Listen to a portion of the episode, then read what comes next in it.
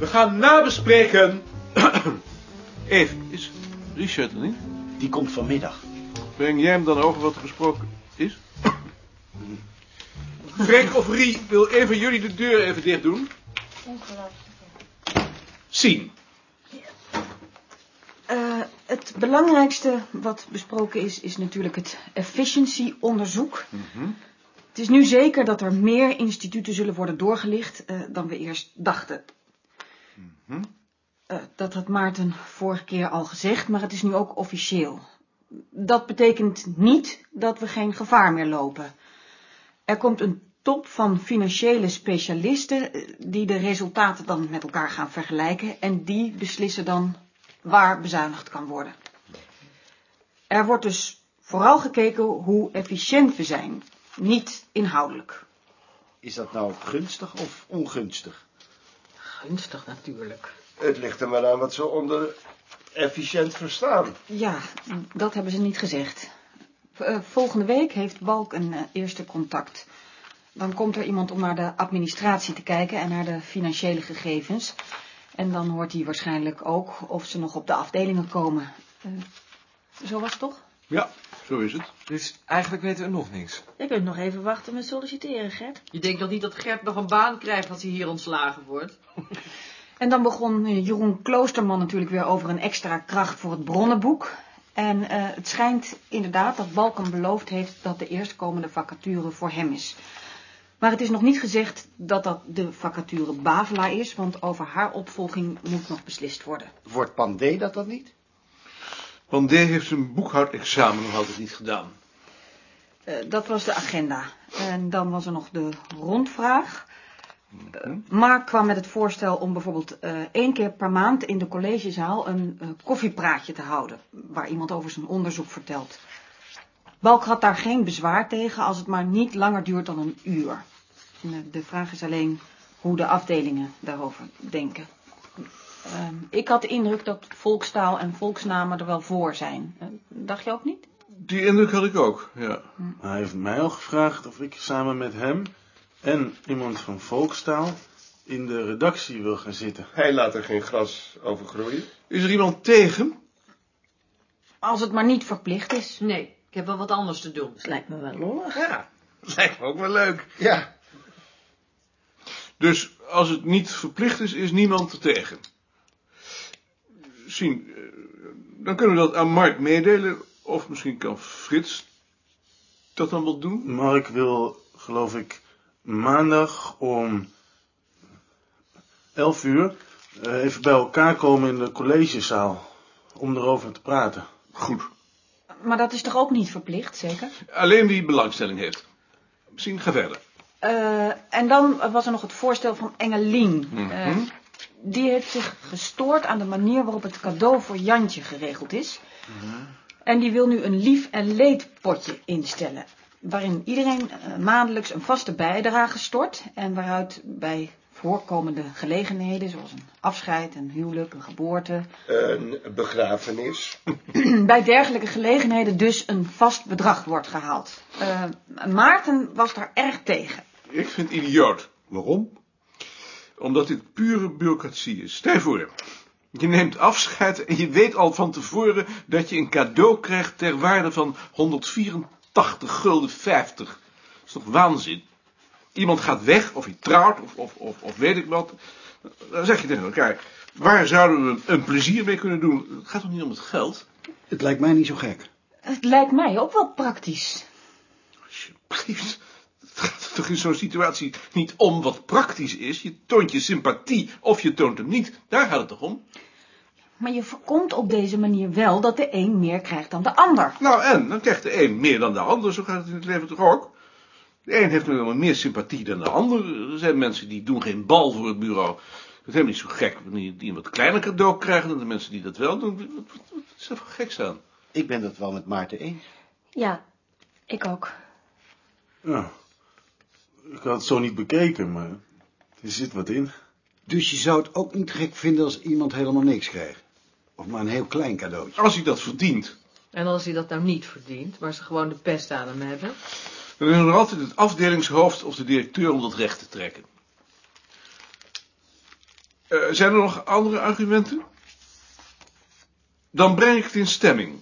Wie is er tegen zo'n potje? Lien, Joop, Frits, Freek, Rie, Tjitske, Gert en Eef. En wie is er voor? Niemand. Zien. Ik vind dat we als afdeling één standpunt moeten innemen. Jij, Ad? Kan me niet schelen. Joost? Ik onthoud me dit keer maar van stemming. Jij onthoudt je dit keer van stemming. Dan zullen we het zo overbrengen. Wat zei Balk overigens van die kritiek op het cadeau voor Jantje? Niets. Er zijn niets, hè? Sien? Nee, niets. Het liet hem volkomen koud als je het mij vraagt. Dat was het, Zien. Ja, Dan herinner ik er nog aan dat ik voor 28 november van ieder van jullie een voortgangsrapportage moet hebben. Met daarin in ieder geval een overzicht van de bronnen die je gebruikt hebt. De richting die het onderzoek heeft genomen. Eventueel veranderingen in de probleemstelling en wat verder nog van belang is. Waarom moet het eigenlijk al zo gauw? Andere jaren was het toch pas in januari. Omdat de wetenschapscommissie op 17 december vergadert en dan moet ik van jullie onderzoeken verantwoording afleggen. Ik begrijp nog altijd niet waarom jij dat moet doen. Waarom kunnen ze dat niet direct aan ons vragen? Zo is de constructie nu eenmaal. Er is een getrapte verantwoordingsplicht. maar waarom moet iedereen dan ook nog eens de stukken van alle anderen inzien? Omdat ik het van belang vind dat ieder van ons op de hoogte is van wat er op de afdeling gebeurt. Maar dan hoeven we er toch niet ook nog eens met z'n allen over te praten? Dat is toch alleen maar geklets? Ik vind het nuttig. Nou, ik niet. Zijn er meer mensen die er zo over denken? Lien, Joop, Freek, Rie en Joost. Gert, jij aarzelt? Ik wil wel graag bij de bespreking van het onderzoek van anderen zijn. Maar je vindt het niet nodig dat de anderen bij de bespreking van jouw onderzoek zijn. Hoe weet jij dat? Het standpunt is bekend. Eh, zijn er ook nog argumenten voor, voor of tegen? Ik wil wel graag op de hoogte zijn. Ja, ik ook. We kunnen het toch niet helemaal aan het afdelingshoofd overlaten? Je kunt op die manier toch ook nog wat van elkaar leren? Ja. Ik begrijp ook niet wat erop tegen is. Ehm, als we het nou eens facultatief stellen. Ik krijg de schriftelijke rapportages, die stuur ik rond. En iedereen tekent in voor de discussies waar hij deel wil nemen. En als je daar nou eens geen behoefte aan hebt? Nou, ik teken hier niet in. Ik bedoel natuurlijk dat er over je eigen stuk gepraat wordt. Dan blijft de mogelijkheid om daar in de algemene vergadering op grond van de schriftelijke rapportage vragen over te stellen. Ik vind niet dat iemand zich aan de kritiek van de afdeling kan onttrekken.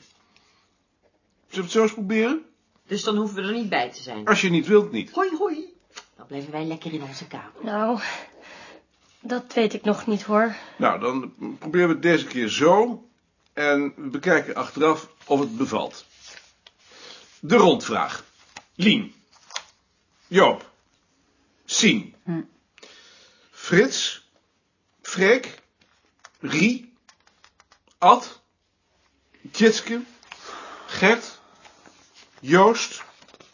Eve. Niemand? Dan sluit ik de vergadering. Ad, ik zit verder boven. Vanmiddag ben ik er niet. Dan zit ik vanmiddag hier. Gert, Ik meld mij omdat ik bezig ben in te storten. wat mankeert je? Ik, heb- ik heb last van mijn maag. Ik voel me niet lekker. Ik, ik kan het ruiken ook. Doe dan maar een stap terug. En ga nu naar huis en naar bed. Graag. En zeg tegen Klaasje dat ze je een beker warme melk geeft. Ik zal het doen. Maar vind je wat ik over de schoorsteen zeg nu ook goed? Ja, Heb ik geen eh, literatuur vergeten?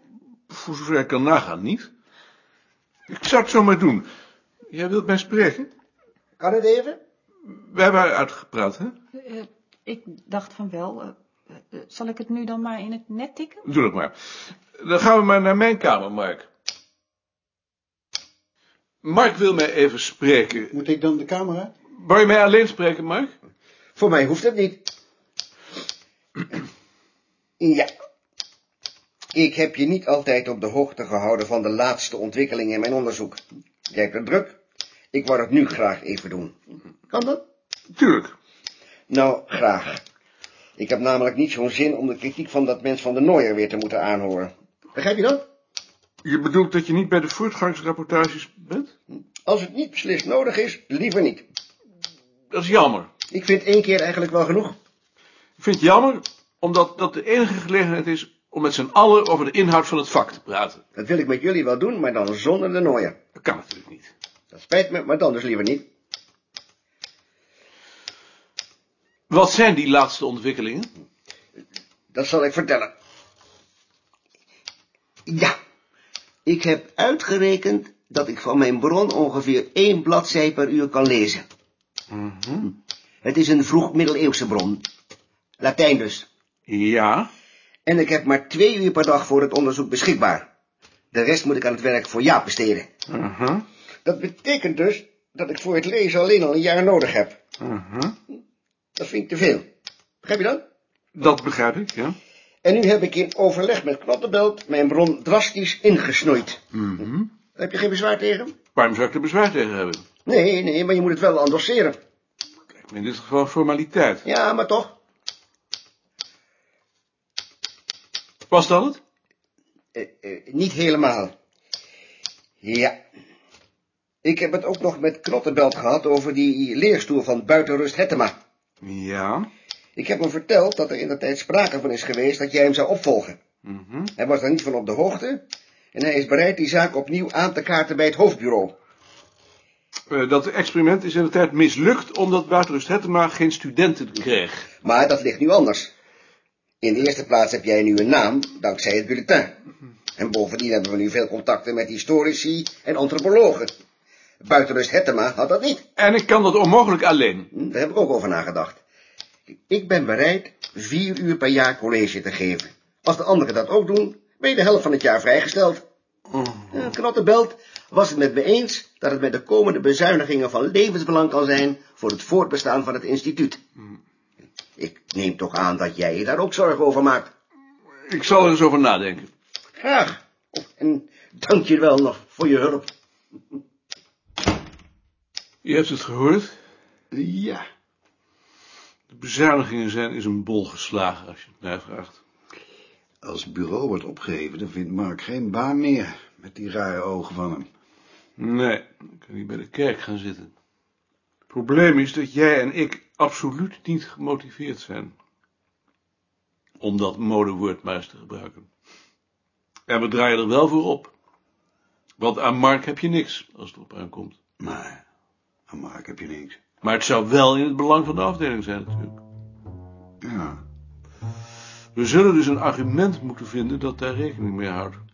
Een argument om het niet te doen, natuurlijk. ja. Vind dat maar eens. Ja.